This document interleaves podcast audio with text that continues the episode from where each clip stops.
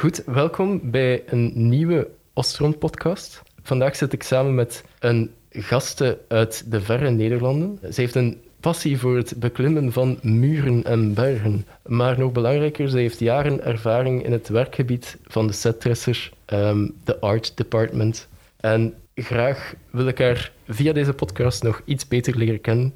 Welkom Ingrid Visser. Dankjewel Jonas. Ik weet niet of het jaren ervaring is, maar Is toch, toch een beetje. Ah, oké. Ja, een paar jaar. eh, ja. Ja. Oké, en ja, ik ga de vraag misschien direct stellen. Mhm. Hoe, hoe lang denk je dat het was dan? Ehm, ik heb drie jaar als zelfstandige gewerkt ehm, in, de, in de film. Eh, en toen ben ik bij Mediaraven begonnen. Dus ik ben nog wel bezig met video en filmen en camera's en alles. Mhm. Eh, maar een stuk indirecter. Ehm, ik begeleid nu jongeren daarin. in, eh, in hun pad op eh, de mediaweg. Ja. Eh, dus ja, zelf wat minder direct. Ik zou nu niet meer zeggen dat ik echt in de filmindustrie werk. Eh, Nee, maar ik zit in het Je hebt het wel gedaan. Ja. En wacht, misschien moeten we eerst dan beschrijven wat dat uw taak daarin was. Toen ik zelfstandig was. Ja, toen dat je zelfstandig werd, wat was die functie toen? Eh, ik deed eh, een beetje van alles. Mhm. Zoals waarschijnlijk veel zelfstandigen doen. Ehm, ik ging eh, regelmatig wat dingen filmen en monteren en dergelijke.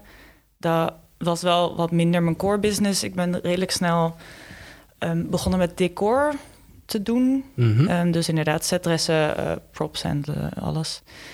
Erop en eraan, constructie soms. Ja. En dat ging van reclamespots tot aan kort, kort fictiefilms tot Mhm. aan grote tv-series. Dus Ja. ik heb een beetje van alles geproefd, denk ik. ja. Ik heb eens op uw IMDb gekeken. Oei, die is niet heel correct. Wel, dat vroeg ik mij al af, want er staan een paar eh, bijzondere films op. ik zou willen dat die correct was, daar niet van. Ehm, Ja, dat is een, dat is een grappig verhaal. wel. wel, als eerste zag ik daar staan... ehm, maar er zijn twee Ingrid Vissers op eh, IMDb, kan dat? dat is correct. Oké. Ja. Ehm, Maar we zijn samen één geworden. ah, Per ongeluk. Ik weet niet wie, ik heb dat niet zelf gedaan. Maar eh, het, is een foutje van de ja, achterliggende... ja, ik denk Mens. normaal van die productiemensen voegen dat dan na een film of Ja. iets toe toe. op IMDb. En dan vullen ze die rollen in. En dan typen ze natuurlijk gewoon in Ingrid Visser. En de, de eerste die ze tegenkomen. Ah, ja. Denken ze, ah, dat zal die wel zijn. Maar eh, helaas in mijn geval is er wat overlap met een Ingrid Visser in Nieuw-Zeeland. Die een veel cooler leven heeft dan dat ik heb. Sterker nog, ik wil wacht, haar ik- carrière wel. Dus misschien moet ik gewoon... eh, ja, ze ziet er heel eh, Switchen. veelbelovend uit, want ja. ik vroeg het mijzelf af. Welke zijn er effectief door uw handen gepasseerd of welke hebt jij gedaan? Ehm, ik zie staan Ik heb het lang niet gezien. Player in 2014 als editor. Nee? Oké. 2014, Ja, Player. dat, Dat zou wel kunnen. Ja, ik wist niet dat hij erop stond. ja Een kortfilm. Die, die staat erop, ja. Dat is een kortfilm, ja. Interessant. Ja, dat dus- heb ik gedaan. Ja? Ja, Oké. die wel. Je Oh, eerst- ik, ik wist niet, helemaal niet dat hij erop stond. Ik ben helemaal blij. Er staat meer van mij op IMDb dan dat ik wist. Ehm, en dan verder retrospect. Heb ik gedaan. Ja, 2000, 2018 zeker. Klopt. Ja, oké. Ehm, ja, zeggen- dat zeg ik nu. Maar ja, die is uitgekomen in 2018. Maar ik denk dat ik, in, dat ik die heb gemaakt in 2017 of zelfs 2016. Ja, ja. dat is al eh, diep de ver verleden. Oké, en dan ehm, als ik even verder ga in de lijst, staat er Wales Without Walls. Oh, ik wou dat die van mij was. Ja, als cinematographer in 2020. Ehm, Eyewitness Shark Attack. Ook niet van mij. ehm, En A Day in Life with Lolita, the Performing eh, Orca. Ook niet van mij. helaas. Maar die eerste twee waren dus wel van u. Ja, Ja. Dit is, dit- mag ik direct een warme oproep doen naar, naar de, de Ingrid Visser in Nieuw-Zeeland? Dat ik wel graag samen zou werken. Want ik vind walvissen wel echt super cool. Dus eh, Ja, moet wel echt Eh, heel ja. awesome zijn. zeker, ik wil, ik wil dolgraag mijn naamgenoten ontmoeten. Ja. Wow. Dus als je dit hoort, neem contact op met ons op. Ehm, maar de eerste twee zijn dus wel waar. Ehm, Klopt. Dus Player Ja, heb je gedaan, ehm, een korte film en retrospect. En dan zou ik eigenlijk liever naar retrospect gaan, want daar staat art department bij. Ja. Eh, wat was je daar je taak juist in? Dus eh, specifiek je functie, wat heb je daar allemaal mogen doen? Ik was de ehm, assistent van de art director, Kurt uh, Rigolle. Mhm. Een Vlaamse art director, een vrij, vrij grote. Ehm, ah, vrij bekende bedoel ik dus. En ja, ik Dus was... het gaat eigenlijk om een, een Vlaamse productie of een Vlaamse film dan? Nee, het was een co-productie van, eh, tussen Nederland en België. Dat gebeurt vrij veel. Ehm, Ja. En de regisseuse was eh, Nederlands. Dat was een, ja, een co-productie. Dus eh, ze wilden zoveel mensen uit België daarbij betrekken. En dan ehm, telt dat als co-productie. Dat heeft gewoon te maken met tax shelter waarschijnlijk. Ja, En, wat dan interessant is. Ehm, en toevallig woon ik en werk ik al jaren in België. Mhm. maar ben ik wel Nederlands en zaten we dan heel veel daar. Dus was ik heel veel tolk ook, want tussen ja, Ah, dan de, de Vlaamse medewerkers en de Nederlands was niet altijd helemaal duidelijk. Ja. Maar goed, dus ik was ehm, assistent van de art director in de breedste zin van het woord. Namelijk, ja, pff, dat- ik had niet een specifieke functie op zich. Mhm. Er was daar een setdresser die gewoon op de set aanwezig was tijdens de draaidagen. En ik. ehm, ah, sorry, ik zeg het verkeerd. Ik heb trouwens gewoon de props gedaan toen vooral. Maar ook de constructie eh, van de sets en zo. Dus alles wat er eigenlijk komt bij kijken. Dus eh, als je assistent bent, dan neem ik ervan, eh, ga ik ervan uit dat, dat je eigenlijk samenwerkt met hem om alles op te stellen. Ehm, Ja, zo- wel, ik zeg het dus eigenlijk verkeerd. Ik had daar wel inderdaad echt de, de functie van propsender. Dus ik deed, ja, dan pff, deed ik heel veel met hem in overleg. Maar uiteindelijk zijn props ook gewoon heel vaak, ja, eh, iemand moet een zak, een tas of iets vast hebben. Of een, eh, een eh, pff, blikjes drinken en dat soort di- dingen. Ja. Dus dat ging niet altijd, eh, het gaat niet altijd allemaal langzaam, niet altijd alle details. Maar het was wel volledig zijn eh, visie. Dus hij bespreekt met de regisseur altijd ehm, hoe zij wil dat de set eruit komt te zien. Mhm. Dat speelde zich voornamelijk af in een, in een huis. Ehm, dat ging over een, een gezin die eh, ja, een, een dramatische tijd in hun leven doormaakt, soort van. Mhm.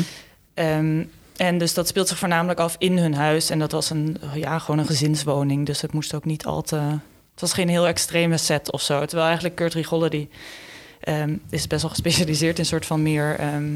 eh, bijna period pieces, maar dan vanaf de jaren 50, 60, 70, zoiets. Mhm. Die, eh, die kan daar heel veel... ehm, heeft heel veel props van, van vroeger.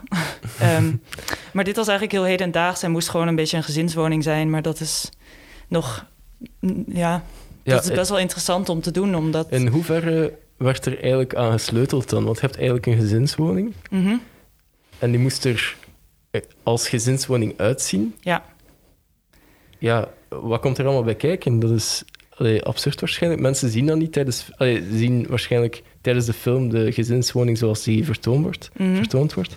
Maar vooraf was er waarschijnlijk heel veel die veranderd. Zeker, ja. Dat was een huis in Nederland. ehm, en we hebben die eigenlijk oh, bijna volledig leeggetrokken. Eh, dat was mega veel werk. Ja, Die mensen, dat was een, een, een type huis. Ik denk, misschien is dat iets Nederlands, maar dat je eh, tra- de trap zit midden in het huis en het is open. Dus dat je overal doorheen een beetje kan kijken. Dat je altijd heel veel diepte hebt. ah. Dus dat is heel fijn voor op camera. Mhm. Dus daarom wilden ze heel graag dat huis. En het was ook wel een mooi groot huis. Maar die meubels, daar woonden mensen die geen kinderen hadden. En weet je wel, die, die heel veel kunst hadden staan en dergelijke. Dus dat paste helemaal niet bij de personages in het script. Die, ja. Mhm. Dus we hebben daar echt vo- volledig leeggetrokken. En eh, gestockeerd in, in garageboxen. En dan zelf van allerlei IKEA en kringwinkel spullen daar naar binnen geladen. En dan, ja, dan doe je dat een beetje eruit zien als een, eh als Worden een die dan nieuw gekocht, die meubels? Of, eh, Ehm, Want ik heb eigenlijk een vraag gekregen. Ik heb bij een aantal Ja. personen vooraf dat, dat we deze podcast hebben opgenomen ook gevraagd wat dat er interessant zou zijn om te vragen aan iemand die in de art department heeft gewerkt. En Mhm. eh, een vraag die daaruit voortkwam was: ja, van waar haal je al dat materiaal? Ja, ik weet dat dat per art director verschilt. Mhm. Ehm, er zijn heel weinig art directors die heel veel stockeren omdat dat vaak heel weinig zin heeft. Dat kost heel veel geld eigenlijk om spullen te stockeren... die je dan misschien maar één keer per jaar uithaalt. Ja, absoluut. Ehm, maar die art director heeft, eh, had op dat moment denk ik drie stocks zelf... ehm, vol met gerief. Dus wat ik zei, allemaal memorabilia... alleen al van de jaren 50, 60, 70, eh, van alles.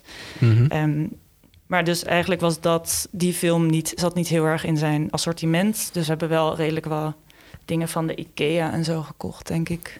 Ja, dus wel nieuw gekocht toen. Goh, maar ja, maar, maar deels. zekerheid. Ja.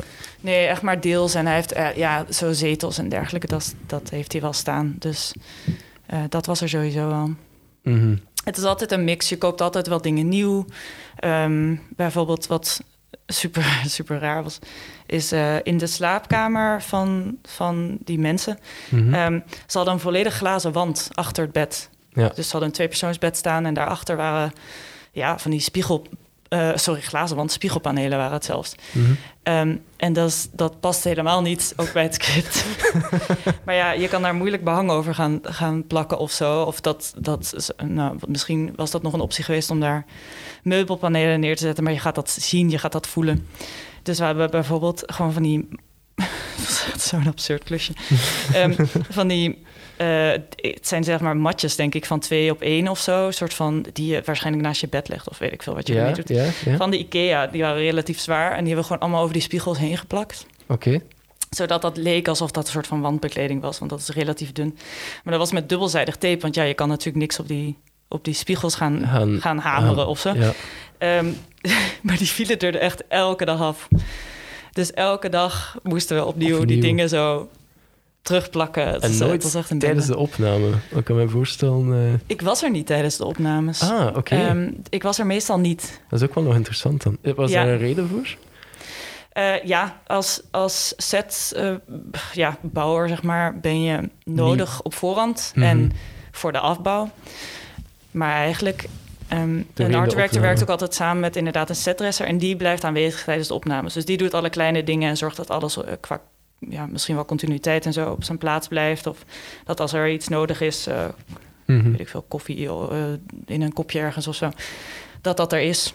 Ja. Maar dat was niet mijn, mijn taak, niet mijn job. Dus ehm, ik was vaak eh, aanwezig op voorhand om nog dingen voor te bereiden of de props te brengen. Die geef, je dan, geef ik dan aan de setdresser en dan daarna is het uit mijn handen. Dus dan ben ik meestal gewoon weg. Oké. ja. Ehm, En ondertussen ga je dan een andere set opbouwen, hè? want zo werkt het dan ook wel weer. Er is natuurlijk, of ja, niet altijd, maar er is heel vaak, s- ochtends film je ergens en dan film je 's middags ergens anders, bijvoorbeeld. ah, Dus dan ga je in de tussentijd daar de set opbouwen. En dan in de middag komen, komt de filmcrew daarheen. En dan ga je naar de set terug van 's ochtends bijvoorbeeld. En dan haal je het daar weer weg. Oké. Ja. In het geval van dat huis hebben we dat ehm, huis gewoon een maand of zo, denk ik, gewoon gehuurd, zeg maar, van die mensen. Ja. Eh, en dus helemaal leeggetrokken, want zij konden daarna er niet meer... Ze konden er niet in wonen, zeg maar, zoals wij het hadden gemaakt. Dus die zijn, ja, ergens... Die hadden... Die man had een boot, denk ik. Ik denk dat hij op zijn boot sliep. Eh, ja. Geniaal. Dat was een rare situatie.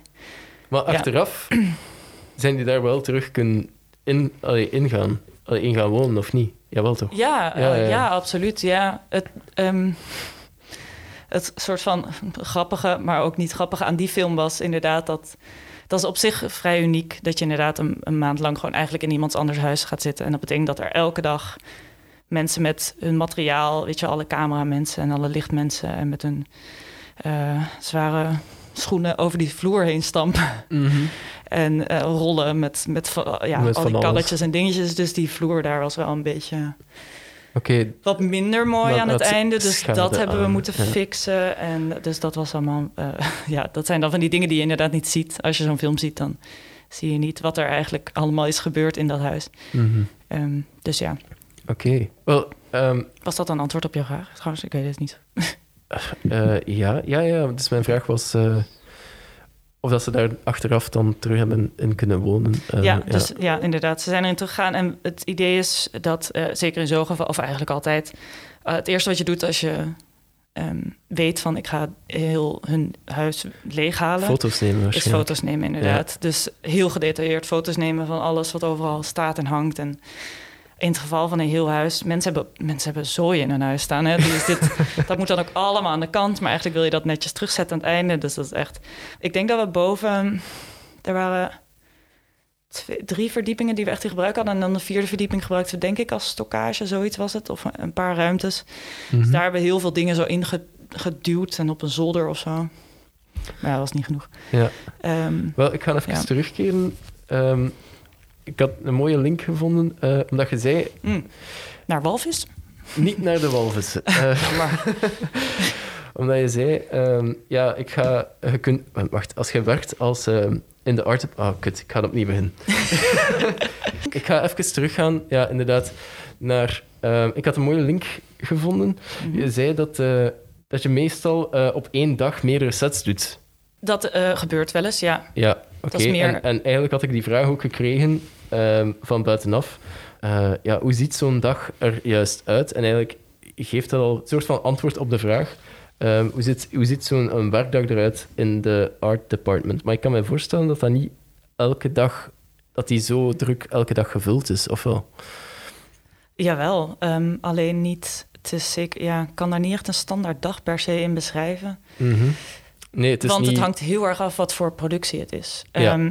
Dus in het geval van... Als er, als er echt meerdere sets op een dag zijn... betekent dat meestal dat het een tv-serie is. Ja. Daar ligt het tempo altijd een, eh, wat hoger. En Mhm. dan zijn de scènes korter en zo. Dus dan is het ook wel mogelijk om twee locaties op een dag te doen. Oké, Dat is niet standaard, moet ik zeggen. Dat is niet normaal dat je echt zegt van... kom, we doen 101 locaties op één dag. Dat is niet, dat is niet per se ideaal, want iedereen moet natuurlijk ook verhuizen. En Ja, dus, maar dat gebeurt wel eens. Ehm, dat is ook vooral vaak dat je van bijvoorbeeld... dat er een locatie intern is. Ik zeg maar iets, je filmt eh, wat scènes in het ziekenhuis... Mhm. En dan daarna film je in de middag extern om in de auto wat shots te nemen, wat rijshots te nemen. Bijvoorbeeld, dat is iets heel typisch, denk ik, voor tv-series, wat, wat, ze wel, ja, wat ze vaak zo inplannen. Mhm. Dat betekent ook dat als ze rijshots gaan doen, dan hoef je geen decor te doen. Stel je filmt 's ochtends op een locatie, dan, eh, en ze beginnen om 8 uur 's ochtends, dat betekent dat je de dag ervoor al de set moet klaarzetten. Dat daar het decor klaar moet staan. Oké. Dat kun je dan meestal niet meer, die, oh, kun je meestal niet meer die, die ochtend zelf doen. Mhm. Ehm, in het geval dat er echt veel aan moet worden verbouwd. In het ziekenhuis meestal kan het klaar zo ongeveer, want je wil in een ziekenhuis filmen. eh, nou. Ja. Anyway, ehm, en dan, dus stel ze gaan in de middag naar een andere locatie, dan bouw je die middag bouw je de set af. S ochtends bouw je eventueel nog weer een andere set ergens anders op. Of je bent heel vaak, ehm, in het geval van de art director met wie ik werkte toch, was ik heel vaak aan het shoppen. dat, klinkt, dat klinkt belachelijk. Ehm, maar ja, wij, ging, wij reden kringloopwinkels af om, eh, om, Om- alles te verzamelen wat we ja, nodig hadden, constant. En dat, je werkt dan ook ehm, meestal een week vooruit of zo. Mhm. Als in, je weet al van, oh, er komt daar en daar een grote set. Ik heb daar materiaal voor nodig. Eh, soms moet je echt zoeken, zoeken daarnaar. Eh, tweedehands afstruinen ook. Ik ben, ja, er zijn, er zijn ook heel veel dagen geweest dat ik voor die art director werkte. Dat ik eh, gewoon dagen in de auto zat. Dat ik gewoon spullen aan het ophalen was doorheen heel België. Ja. Want dat is ook dan makkelijker als je dat op één dag soort van een beetje plant. Dat Mhm. je dan gewoon ja, direct stopt. van, eh, van Gent naar Hasselt rijdt en onderweg tien dingen op, of zoiets. Heeft die job u eigenlijk naar België gehaald dan? Nee, Of- nee, Oké. dat niet. Wat was de oorspronkelijke... Ehm, ik heb een jaar gestudeerd aan het eh KASK Oké. in, eh, in Gent, Ja. de filmrichting. Ja. En dan ehm, bleek na een jaar dat dat niet echt ehm, helemaal was, dat dat geen match was. Oké, en had je daarvoor al iets filmgerelateerd gedaan? Of, eh, Eh, ik had ehm, eh, media en cultuur gestudeerd in Amsterdam aan de UvA. En dat is een soort van filmwetenschap, ja, om maar zo te zeggen. overkoepelend. Ja, en dan daarnaast zat ik bij een, een filmlab. Mhm. Dus dat waren vrijwilligers die samenkwamen om, eh, om coole dingen te maken. En daar, heb ik dus, daar is dus ook die eh, film van, die dus op IMDb staat, Player. Ah. Ehm, dat was een 48-hour film project trouwens, interessant Ah. genoeg. Nice, nice. Ja, Eh, nu ja, niet per se echt een supergoeie montage als ik daar denk ik nu naar terugkijk. Maar ehm, toch leuk dat hij, dat hij erop staat. Ja. En een superleuk project, sowieso superleuk om daar aan mee te doen. Oké, misschien kort even uitleggen wat een 48-hour film project is. Oei, ja. Ehm, Ja, ik weet het zelf eigenlijk ook, maar... Ja, know. Ehm, het 48 Hour Film Project is een, is een eh, filmwedstrijd eh, over heel de wereld eigenlijk. En in Mhm. verschillende steden ehm, doen ze dan eh, één keer per jaar meestal in, een, een weekend... waarin allerlei dus teams zich kunnen aanmelden. Ja, En ieder team krijgt een ander genre om mee te werken. Mhm. Dus dat gaat van western tot drama tot Ja. comedy, whatever. Ehm, tot heel obscure dingen zoals... ehm, wat was het weer? Nou ja, ook silent movie enzovoort. Ehm, en iedereen moet met dezelfde drie elementen werken in die film. Namelijk een personage die een naam heeft en een beroep. Mhm. En een bepaalde prop en een bepaalde line. Dus iets wat een personage moet zeggen in de film. Ja. Voilà. En meestal ook in de grootsteden, hè. Die worden... eh, Ja. Ja. Klopt. Al wel, hier in België ja, is dat niet zo groot. Maar in Nederland zit dat ongeveer in elke stad zit er wel een 48-hour film project. Ah, is dat zo? Ja, als je, als je echt zin hebt daarin, kun je in Nederland denk ik iets van zeven keer per jaar meedoen aan zo'n wedstrijd. Als je overal heen gaat, zeg maar. Dat lijkt me wel een, een leuke bezigheid ook voor studenten dan om... om allee, in België is het nog niet zo groot. Ik had er daarvoor, voordat ik er eigenlijk zelf aan meegedaan had, nog nooit echt eh, over gehoord. Maar in Mhm. Nederland, als dat zo ehm, ja, populair is, denk ik dat als je student bent, dat dat wel een leuke eh, eerste project is om aan mee te doen. in mijn, een team. Ja, ik moet zeggen, in Amsterdam deed ik daar dus aan mee met dat Media Lab. En dat waren wel studenten, maar onder profession- of ja, semi-professionele begeleiding. Mhm. Ehm, maar er deden daar professionele productiehuizen aan mee. Ah ja. En echt mensen die echt diep in de sector zaten, zeg maar. Dus dat gaf een hele interessante mix ook van films. Want je hebt inderdaad mensen die voor, eigenlijk voor het eerst ongeveer een camera vasthouden, die meedoen. Tegenover, ja, echt volwaardige producties. En ook, ik heb wel wat dingen gehoord dat echt wel... Ja, dat er, dat er vrij zotte sets werden geregeld en zo. Ehm, ja, in Dus- die 48 uur dan, want je hebt eigenlijk maar 48 uur tijd. Of werd er ik soms heb wat... wel eens eh, gehoord dat het niet binnen de 48 uur was, maar ik weet niet of dat helemaal waar was. Ik, ik weet het niet. Ik zou het niet durven zeggen, maar ik weet wel dat ik daar ook een aantal films heb gezien waarvan ik wel zeker weet dat ze binnen 48 uur zijn gemaakt. En bijvoorbeeld ehm, door iemand die ik ken, ehm, die met z'n tweeën dan de film van begin tot eind hebben gemaakt. En Ja. dat is geniaal. Ja, ik vind die film echt supergoed nog altijd. Super nog altijd? En dat is van... Ja. eh, ja, een aantal jaar terug waarschijnlijk. Dat is van een aantal jaar terug en dat is interessant, want zij zijn nu sowieso heel grote. eh, hij, eh, Thomas, die ik ken, die is ehm scenario schrijver. Oké. En ehm, die vriend waarmee die werkte is eh, regisseur. En ze speelden allebei in die film en ze deden een soort van alles. Mhm. Maar nu zijn ze echt super groot in Nederland. Ehm, Ja. Maar toen stonden ze nog aan het begin van hun carrière eigenlijk. Oké. Dus dus dat is vrij grappig. een- Maar het is niet door 48 of zo dat ze heel bekend Nee, zijn nee, geworden. nee. Maar wel, dat is gewoon een leuke oefening voor jezelf natuurlijk om mee te doen. Dat is, Ja. dat is mega wijs. Oké. Eh, Sorry, dat ging opeens een heel andere kant uit. Nee, nee, nee. Super interessant. Ik ik denk er nu bijvoorbeeld over na. Om, allee, misschien is dat wel leuk om hun dan te vragen, maar ze zijn van Nederland, dus dat gaat al niet. Allee, waarschijnlijk. Ehm, Ehm, nee, nee, ja, nee. nee. ja, Eh, het ligt eraan als je, als je allemaal Nederlands in je podcast wil. hey, van mij mag je. Oké. Ik denk dat hij, dat hij, eh, dat Thomas toch al heel regelmatig op de radio komt en, en dingen. Dat hij wel, eh, Ja, hij is ja, oké. gekend. Goed.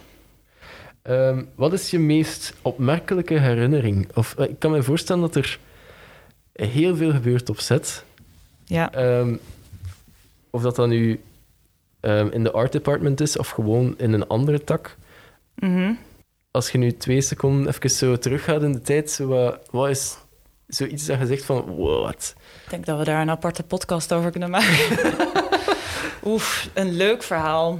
Er zijn, er zijn sowieso heel veel leuke dingen die gebeuren op zo'n set. Heel veel grappige dingen.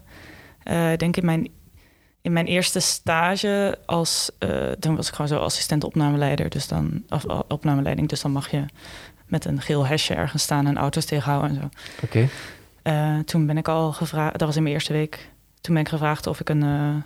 ik heb jou dit al wel eens verteld. dat- Of ik een boerka aan wilde doen Ah, ja. en wilde poseren met een van de acteurs voor foto's die dan in, in de, weer op een telefoon of zo in de scène te zien zouden zijn. Ehm, wat al een rare situatie was. Eh, op zich, ja, dat zie je niet aankomen. ze waren ook gewoon zo van, goh, je hebt de juiste lengte. En bij een boerka maakt natuurlijk een man niet uit hoe je zit. Ehm, ik was niet echt per se de juiste Was lengte, de denk ik. Want ik was, van je... eh, was dat je schoolstage? Of, of welk, wat Nee. voor stage was dat dan? eh, dat was gewoon een, een, ja, een stage. Ja, ze Ah, noemen oké. dat een stage, dat is eh, ja, wel betaald. Ah ja, oké, oké, oké. Ja, Dat was extra raar, omdat we aan het filmen waren in een, in een echt hoerenhuis. oké. Ze waren er niet aanwezig, zelf de, de, de madammetjes. Maar ehm, ja, dat was super raar.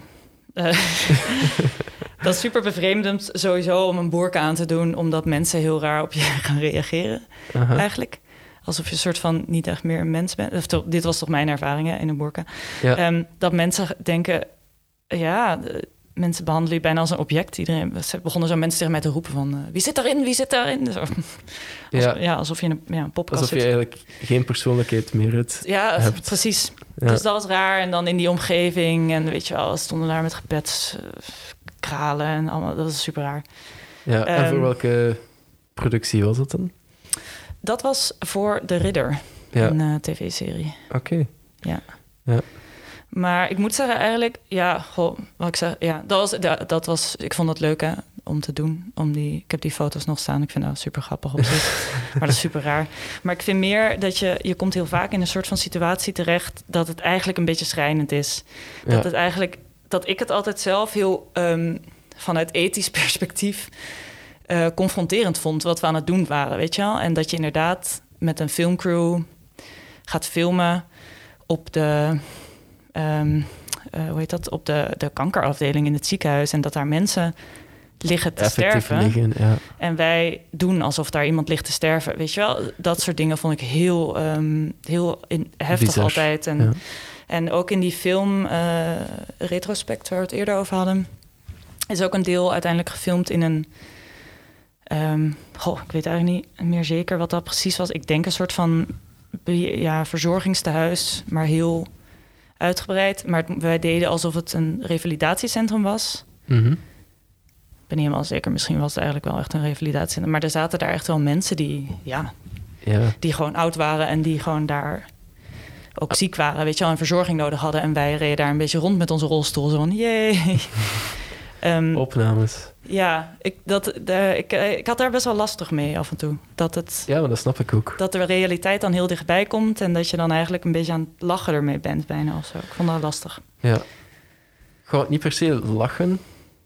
Ehm, want ja, zij zijn uiteindelijk gewoon uw werk aan het doen, hè. Eh, denk ik dan. Ja, maar, inderdaad- is het nodig? Is het nodig dat je echt op een oncologieafdeling gaat doen dat iemand aan het sterven is? Ja. Weet je, dat, dat is, vind ik altijd. Ik bedoel, film is. Fictiefilm is, ja, is fantasie, weet je wel. Je kan, je kan overal wel een ziekenhuisbed neergooien en het een ziekenhuis noemen. Mhm. Ehm, daarvoor moet je niet per se heel dicht bij die mensen komen op zich. Het Ja. voelde niet altijd eh, heel respectvol. Maar misschien hebben die mensen dat helemaal niet zo ervaren, ik weet het niet. Ik weet toevallig dat ook in die, op die eh, afdeling... Dat was een, eh, een avondshoot of zo. En dat was een hele moeilijke scène. En dat, dat duurde heel lang. Dus de meeste mensen, we stonden daar gewoon een beetje met z'n allen zo te, te wachten, zeg maar. Ja. Ehm, en eh, Clara Kleimans speelde in die serie. Ehm, en ik denk dat die soort van een beetje de sfeer wilde Opkrikken. verlichten of zo door een, door een grapje uit te halen. En ik weet niet meer precies wat ze deed. Ik denk dat ze zo rare, rare dansmoves deed. Ehm, en daarbij per ongeluk gewoon achterover in een plantenbak eh, viel. Mhm. Maar zeg maar, ze, eh, Clara Kleimans is niet heel groot. Dus je zag eigenlijk alleen maar haar, haar benen zo er nog bovenuit spartelen. En dus wij, la, ja, wij, wij gingen natuurlijk helemaal kapot van het lachen. Maar ja, het was wel midden in de nacht op een oncologieafdeling... sta je dan met z'n allen te lachen. Weet je wel, dat was zo heel... Ja. eh, het was wel een heel leuk, heel grappig moment. Maar heel, ehm, ja, het blijft altijd dubbel, zoiets. Mhm. Misschien, ja, misschien dacht ik daar te veel over na. Of eh, ja, Mhm. iets anders wat daar misschien een beetje op aansluit. Maar nee. Zeg Is, ehm, ja, wat ik juist zei, als decor ben je altijd als eerste op een locatie. Ja. En zeker in het geval van tv-series, ehm, die locaties worden uit. Weet je wel, soms weet je helemaal niet waar welke locatie. Zeker als assistent weet je helemaal niet wat de locatie gaat zijn van tevoren. Maar die mensen, soms is het gewoon van: we willen uw kamer gebruiken in dit huis voor een halve dag. En die mensen gaan, oké, maar die weten eigenlijk helemaal niet wat er, Wat, wat er, er wat er gaat overkomen, inderdaad. En dan komen wij en dan zeggen wij van... oh ja, oké, we gaan dit en dit wegdoen... en we moeten dit zo en zo doen... en hier gaan we posters ophangen... en sorry, het zijn wat extremistische vlaggen of zo. Eh, maar dat is allemaal voor, voor de nep. En dan zijn die mensen meestal al zo van... oh, oh, ik wist niet dat... oh, uh, oh, ik wist niet dat jullie met een hele camion zouden aankomen... en dat het helemaal, weet je wel, zo'n ding zou zijn. Oké, maar die locatie lag wel al vast, uiteraard. Dat is niet on the spot Nee, nee, nee. Dat, zij wisten dat er, dat er een filmcrew zou komen... maar die dachten gewoon van die mensen komen, weet je wel, meteen... ja, die mensen zijn gewoon niet altijd zo goed ingelicht. Mhm. Ik weet niet of dat aan die mensen ligt of weet je wel, maar ik heb het al een paar keer gehad dat, dat je op zo'n locatie aankomt. Zeker als het maar voor een kleine scène is en je gaat toch veel dingen veranderen, dat mensen echt kapot schrikken. Ja. En op zo'n moment weet ik, de crew moet nog komen. En dan komen er nog drie camions. weet je wel? En nog een heleboel mensen die met hun materiaal door hun huis komen stampen.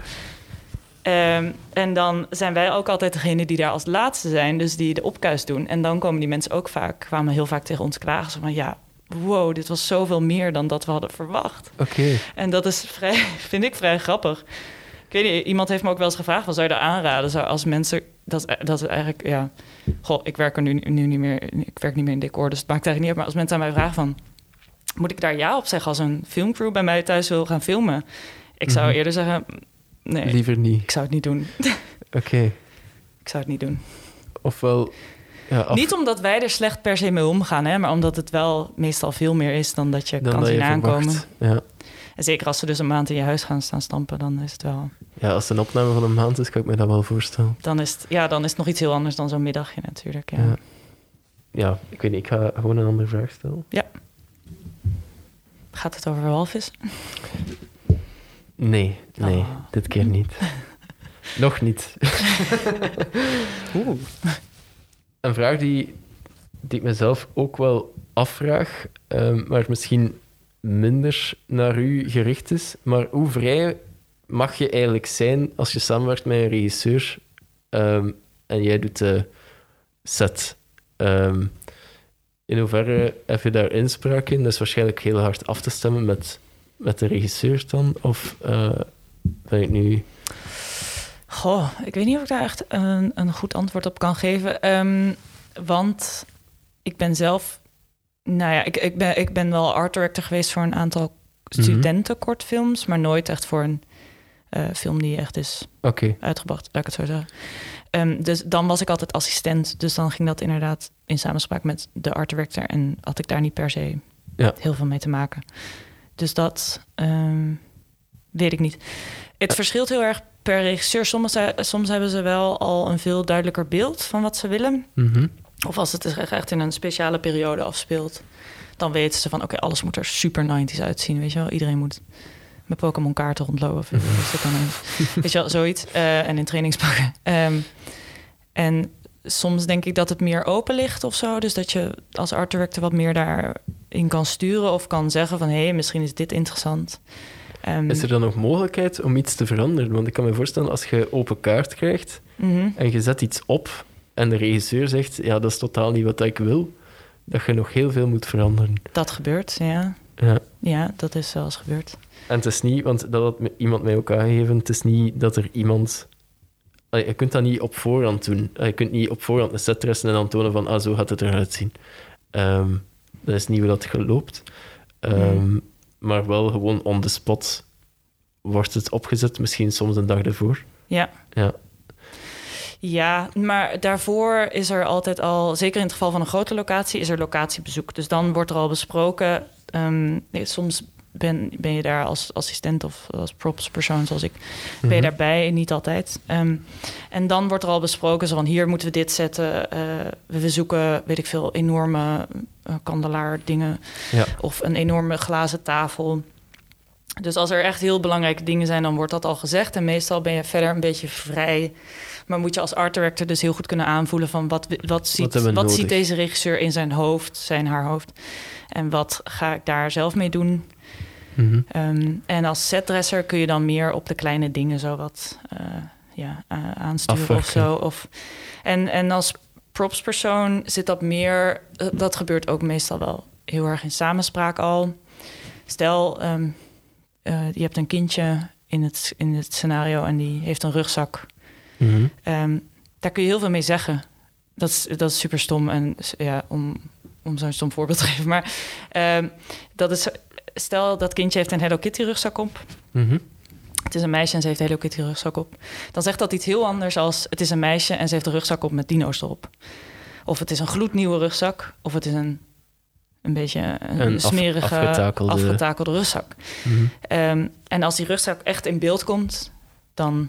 Ja, je zou ook nog kunnen zeggen dat dat trouwens bij het kostuumdepartement ligt. Dat wordt Ja. een samenspraak een beetje gedaan. Maar snap je, daar zeg je al iets mee. Mhm. En dat is als propspersoon heel interessant om daarmee te spelen. En je kan er heel veel grapjes ook bijvoorbeeld in steken. Bijvoorbeeld inderdaad een, een koffietas of iets wat iemand vast heeft. En die houdt heel erg van walvissen. er staat een walvis op.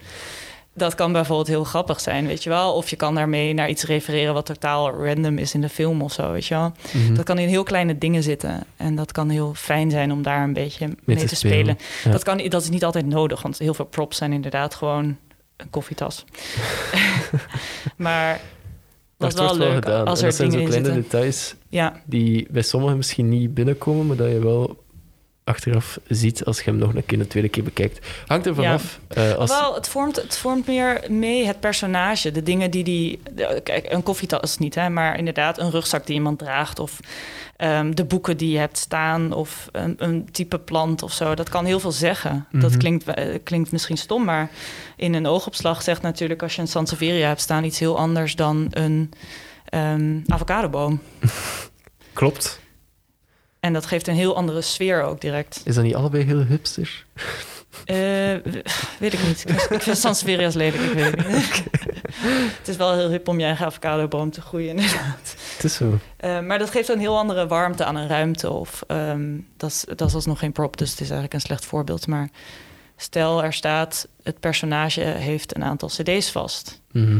Wat voor cd's zijn dat? Dat Ja. is niet altijd gespecificeerd, maar dan kun je dat zelf doen. En dat is super leuk om daarover na te denken als je het personage begrijpt. Van, oh ja, dit, dit, is ja. dit Oké. personage luisterde waarschijnlijk naar de Venga Boys in de jaren 90.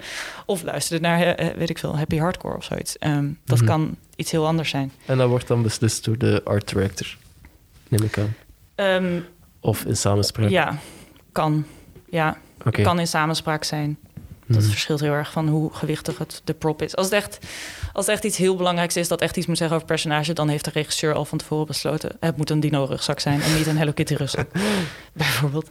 Ehm, of inderdaad de, de CD's of boeken of zo. Maar soms is dat gewoon, mag je dat zelf invullen en dat kan leuk zijn. Het is Ja. meer voor de perfectionisten onder ons, denk ik, die op de kleine details letten.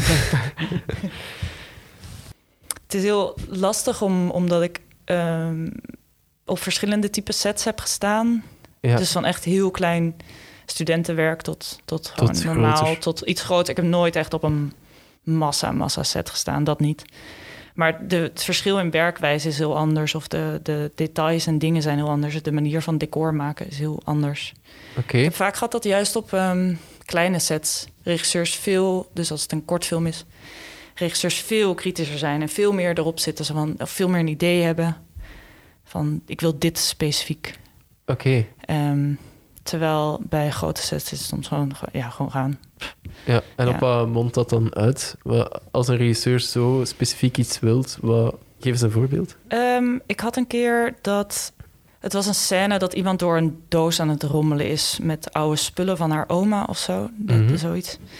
En dat leek niet zo belangrijk in het script, behalve dat ze gewoon één ding vond wat wel belangrijk was. Maar de rest leek allemaal niet zo belangrijk. Maar die, ze was niet tevreden over wat er in die doos zat.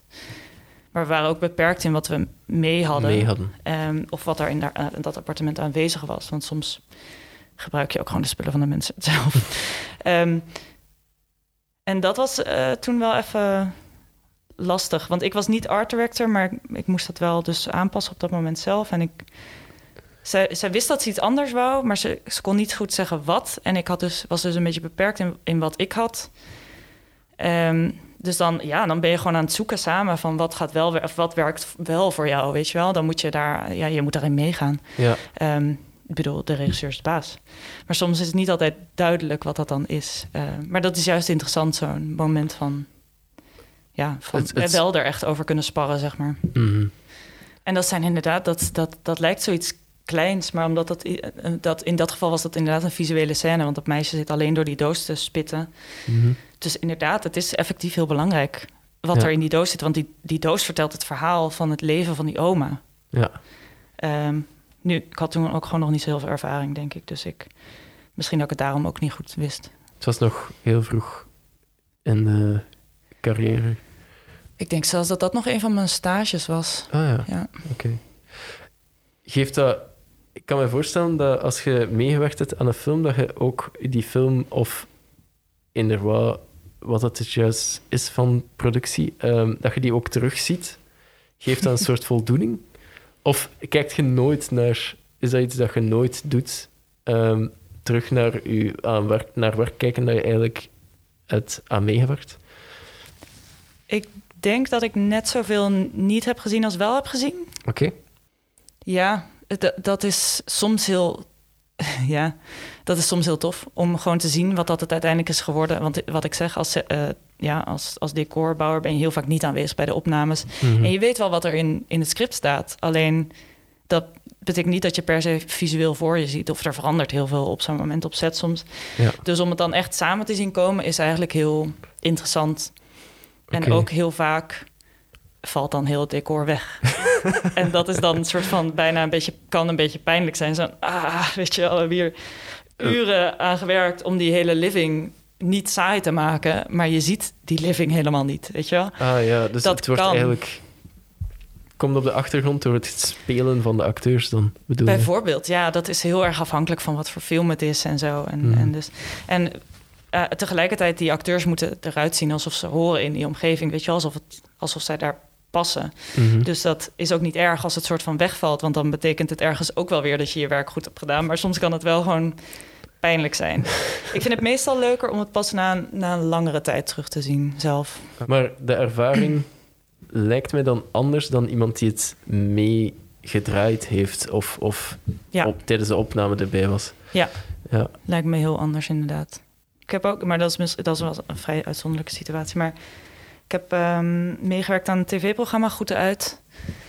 En daarin waren de decors super specifiek. Dat was eh, dan het idee is dat BV's teruggaan in de tijd naar het jaar dat ze 12 waren. Dus dan moesten ze soms een volledig huis ombouwen naar 1978. oké. En super specifiek, als in, weet je wel, ja, idealiter kwamen magazines ook echt uit 1978 dan. En de films eh, ook, Ook. enzovoorts. Mhm. Dus dat was super gedetailleerd werk en, en, en heel gaaf om te doen. Want je, ja, je, maakt, je gaat echt terug in de tijd. Maar ik wist nooit zo heel goed wat ze daar echt gingen doen op set. Dus dat was wel... eh, daar zijn redelijk wat seizoenen van gedraaid en ik heb niet aan allemaal meer. Maar dat was leuk om terug te zien, want dan zie je pas hoe ze het decor gebruiken. Ja, En in, die, in dat geval ging het, ging het ook heel erg om het decor. Dat hele programma was super essentieel dat het geloof, ja, geloofwaardig was. Dat het echt zo dat, dat die BV's daar ook zo staan. Zo, wow, dit is echt alsof ik inderdaad weer 12 ben en weer rare kleren aan heb en inderdaad al die posters aan mijn muren hangen. Mhm. Dus dat was een voor, voor als decorpersoon een heel interessant project of een interessante tv-serie om aan mee te werken. Maar dat was wel meer uitzonderlijk. En dan vond ik dat heel leuk om terug te zien. Maar stel je hebt, ja, stel je hebt gewoon een, een ervaring op set gehad of dat je het gewoon eigenlijk niet zo heel erg eh, naar je zin hebt gehad of zo. Dat is niet zo heel vaak gebeurd, moet ik zeggen bij mij. Maar dat kan natuurlijk dat je gewoon in een rottige periode zat of zo en dan zo'n film draait. Dan is dat ook niet leuk om die film terug te zien. ja, snap ik. Ja, dus daar is het natuurlijk veel meer ook aan gelinkt dan, ja, dan echt aan, aan de film zelf of zo. Ja.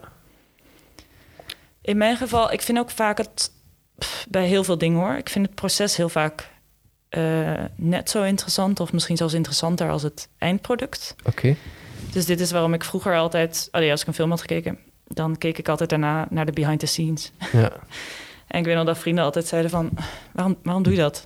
Wat, dat verpest toch alle magie? Is dat uw eerste stap in die richting? Wat, wat zorgde ervoor dat je in die richting uitging als... eh, Ik denk wel dat het daardoor een beetje was dat het wel duidelijk was dat ik, weet je wel, film niet alleen maar leuk vond omdat ik film leuk vond, maar omdat ik het soort van de achtergrond ervan of het maakproces heel interessant vond. mhm.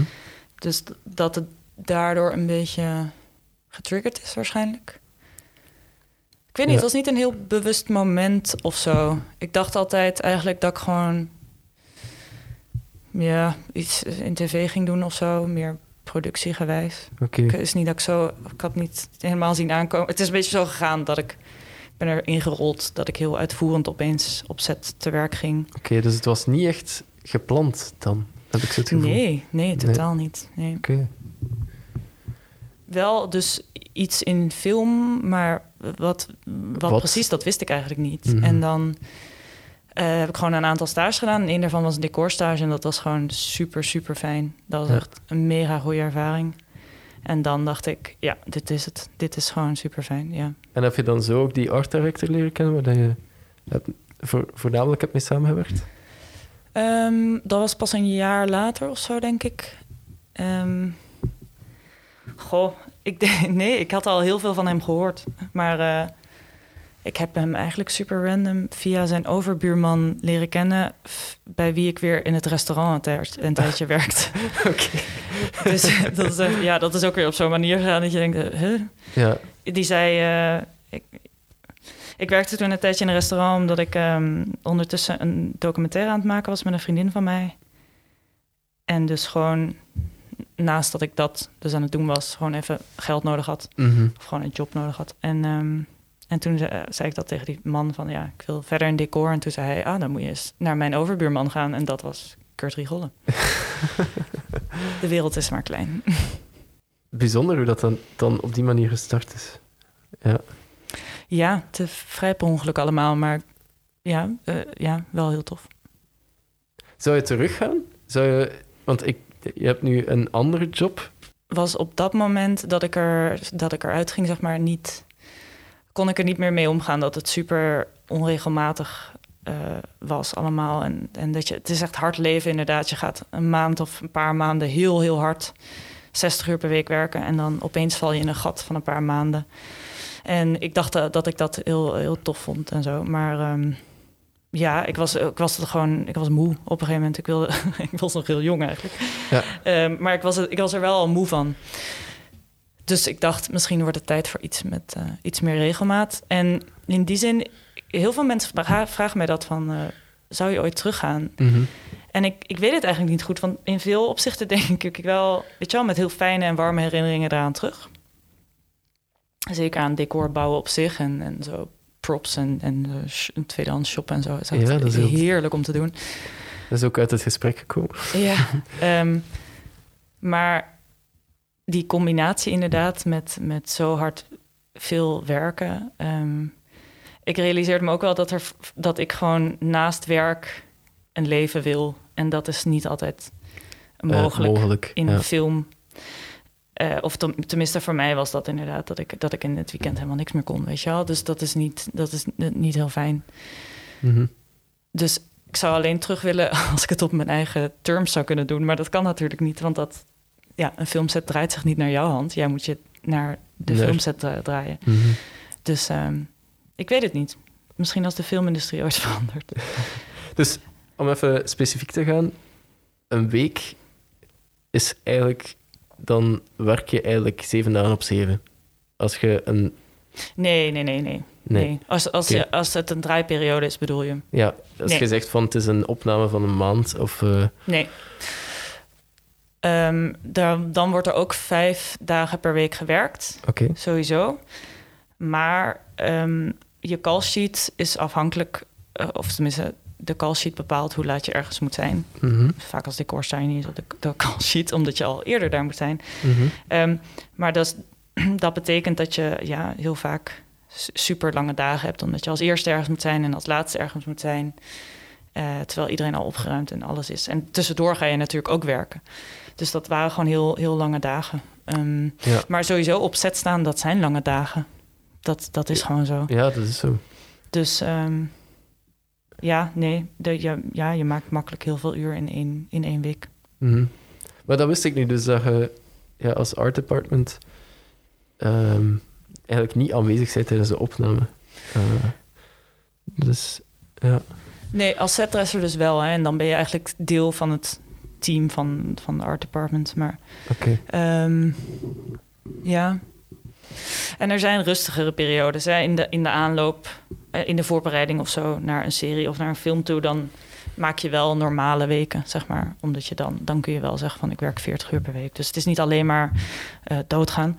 Maar, maar tijdens draai, draaiperiodes is dat wel heel heftig. Ik denk dat iedereen dat kan beamen. Ja, ja, Dat dat veel uren zijn. En, en het is, in mijn geval is het ook nog eens, uh, of ja, decor is fysiek werken ook heel erg. Hè? Dat is echt wel heel veel rondrennen en met dingen sjouwen. En je bent een soort van heel inefficiënte verhuisservice. Die constant heel snel dingen komt verhuizen en dan weer terugzet en dan ja, weer in een stok zijn plaatst. eigenlijk. Ja. Ja, dus dat is wel, dat is misschien daardoor extra vermoeiend. Ik weet het niet. Ik, Mhm. eh, was gewoon al heel jong een oude, oude vrouw. Ja, het gaat dus ik ben te klaar eigenlijk- voor mijn pensioen. Er wordt wel eh, rekening gehouden met het weekend dan. Of dat valt ervan te zien welke opname dat juist is. Ehm, goh, nee, er wordt er rekening mee gehouden met weekend als in je hebt twee dagen per week weekend. Maar die dagen kunnen wel op Eh, andere dagen vallen. Ja. oké. ja, ja, ja. Want uiteindelijk eh, is de productie afhankelijk ook van, van locaties. Dus als een locatie zegt je kan alleen maar op zaterdag komen, dan kun je alleen maar op zaterdag komen. En ik denk dat ze dat wel zoveel mogelijk proberen te vermijden. Maar er zijn Mhm. gewoon locaties waar je inderdaad alleen maar op een zaterdag of zondag mag komen filmen. Neem een school bijvoorbeeld. Eh, die zijn door de week natuurlijk gewoon een les aan het doen. En dan mag je in het weekend wel komen. Ja. Ja, dan is je weekend niet je weekend, zeg maar. Maar dat, dat, is niet, dat vond ik niet heel erg of zo. Ik, ik, ik werk in die zin nu ook. Ik werk wel eens in het weekend of 's avonds of zo. Ik vind dat, dat wel heerlijk, dat flexibele en zo. Dat vond ik ook altijd wel tof aan. Eh, het was meer de hoeveelheid uren die, eh, Ja, die zwaar was. goed. Het is niet voor de faint-hearted, de, de filmindustrie. Maar zou je nog teruggaan eigenlijk? Want ik denk niet dat je daarop geantwoord hebt. Ja, ik vind het. Ik zei dus, ja, als, als de filmindustrie zou Ah, zou veranderen, of als ik het meer op mijn eigen termijnen, hoe noem je dat, terms kan doen, op mijn eigen voorwaarden zou kunnen doen, dat is een betere verwoording. Dan misschien, ik weet het niet goed. Mhm. Goed, ik zou graag de luisteraars nog eens willen bedanken. Iedereen die tot het einde heeft geluisterd. Deze podcast is ook opgenomen met een Rode Podcaster Pro. Die is eh, beschikbaar via Ostrom. Ik zie jullie in een volgende podcast.